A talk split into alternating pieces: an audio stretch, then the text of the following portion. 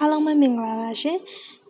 WeCat 2 program မှာကြိုဆိုလိုက်ပါတယ်ခုပြောပြပေးသွားမယ့်အကြောင်းအရာကတော့စီးချိုယောဂနဲ့အစားအစာအကြောင်းပဲဖြစ်ပါတယ်စီးချိုယောဂဟာသွေးရင်းချိုတဲ့လွန်ခဲ့ခြင်းကြောင့်ဖြစ်ပါတယ်အဲ့ဒီယောဂကိုအစားအစာကိုလက်လှုပ်ရှားလေးခြင်းကအချိုထိန်းတဲ့ဆေးတွေအင်ဆူလင်ထိုးဆေးတွေ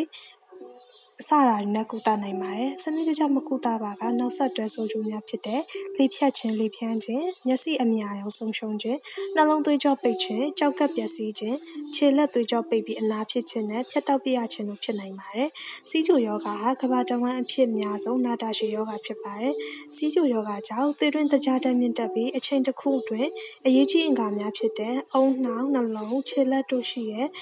အာရုံကြောတွေ၊မျက်လုံးနဲ့ကျောက်ကပ်တို့ကိုထိခိုက်လာနိုင်ပြီးသေချာကုသမှုမခံယူများအတွက်မျက်စိကွယ်ခြင်းအပါအဝင်ဆိုးဝါးတဲ့ခန္ဓာကိုယ်မသန်စွမ်းမှုကိုဖြစ်စေပါတယ်။ ကောင်းသတင်းကတော့ ဆီးချိုကို ဆေးသောက်ပြီး နေထိုင်စားသောက်မှုပုံစံကို ထိန်းသိမ်းပြီဆိုပါက သာမန်ကျန်းမာသော လူကောင်းအတိုင်း အသက်ရှည်စွာ နေထိုင်နိုင်ပြီ ဖြစ်ပါတယ်ရှင်။နောက်တစ်ခုကတော့ လုံးဝရှောင်ရမယ့် အစားအစာတွေ ဖြစ်ပါတယ်။တကြားနဲ့တကြားတက်ပါဝင်တဲ့ အစားအစာများအားလုံးလုံးဝရှောင်ရပါမယ်။တကြား glucose ကြံတကားထညံအချိုဓာတ်လွန်ခဲ့တဲ့ရုပ်အမျိုးမျိုး ချိုချင်း chocolate ice cream ထိုးမုတ်လာမုံမလိုက်မုတ် ကိတ်မုံအဖျော်ရမကအမျိုးမျိုးစီတုပူမျိုးမျိုး biscuit ပါမုတ်ချိုတဲ့အသီးနှံတွေ ဥပမာဖျဲသီးနနက်သီးတရက်သီးတကြား နိုးစီနိုးမုတ် coffee mix နဲ့ဖြော်တဲ့ coffee လက်ဖက်ရည် အဲ့ဒါတွေရောလုံးဝအောင်ရှောင်ကြရမှာ ဖြစ်ပါတယ်။နောက်တစ်ခုက ကန့်သက်ရန်မလိုအပ်တဲ့ အစားအစာတွေပဲ ဖြစ်ပါတယ်။အဲ့ဒီအစားတောက်တွေကို မိမိနှစ်သက်ပါက ဘိုက်ဝအောင် စားတောက်နိုင်ပါတယ်။ဘာတွေလဲဆိုရင်တော့ စိမ့်ဆူသော ဟင်းသီးဟင်းရွက်အမျိုးမျိုး ဘူးရွက်ကစုံရွက်မကြီးရွက်ချမောင်ရွက်စူပုတ်ရွက်မြင်းခွာရွက်ကော်ပီတုပ်ကော်ပီပွင့်ပန်းမုံလားကိုက်လန်ရွက်မုံညင်းရွက်တို့ပဲဖြစ်ပါတယ်။နောက်တစ်ခုကတော့မချိုတဲ့အသီးအမြစ်တွေဖြစ်ပါတယ်။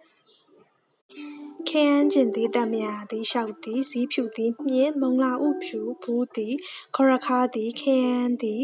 ကင်းမုံသည်ခဝဲသည်ရုံးမတွေသည်ခွေးချိုသည်တလဲသည်တို့ပဲ ဖြစ်ပါတယ်ရှင် နောက်တစ်ခုကတော့ အသားငါးတွေပဲ ဖြစ်ပါတယ် ကြက်ပဲစိတ် အမဲဝက် ငါးပဇွန် ကြက်ဥပဲငုံတို့ပဲ ဖြစ်ပါတယ်ရှင် နောက်တစ်ခုကတော့ ကော်ဖီလက်ဖက်ရည် နွားနို့အစစ်နှစ်ဖြော်၍အချို့အတုများနှစ်ဖြော်သော ကော်ဖီလက်ဖက်ရည်တို့ကိုတောက်သုံးနိုင်ပါတယ်ရှင်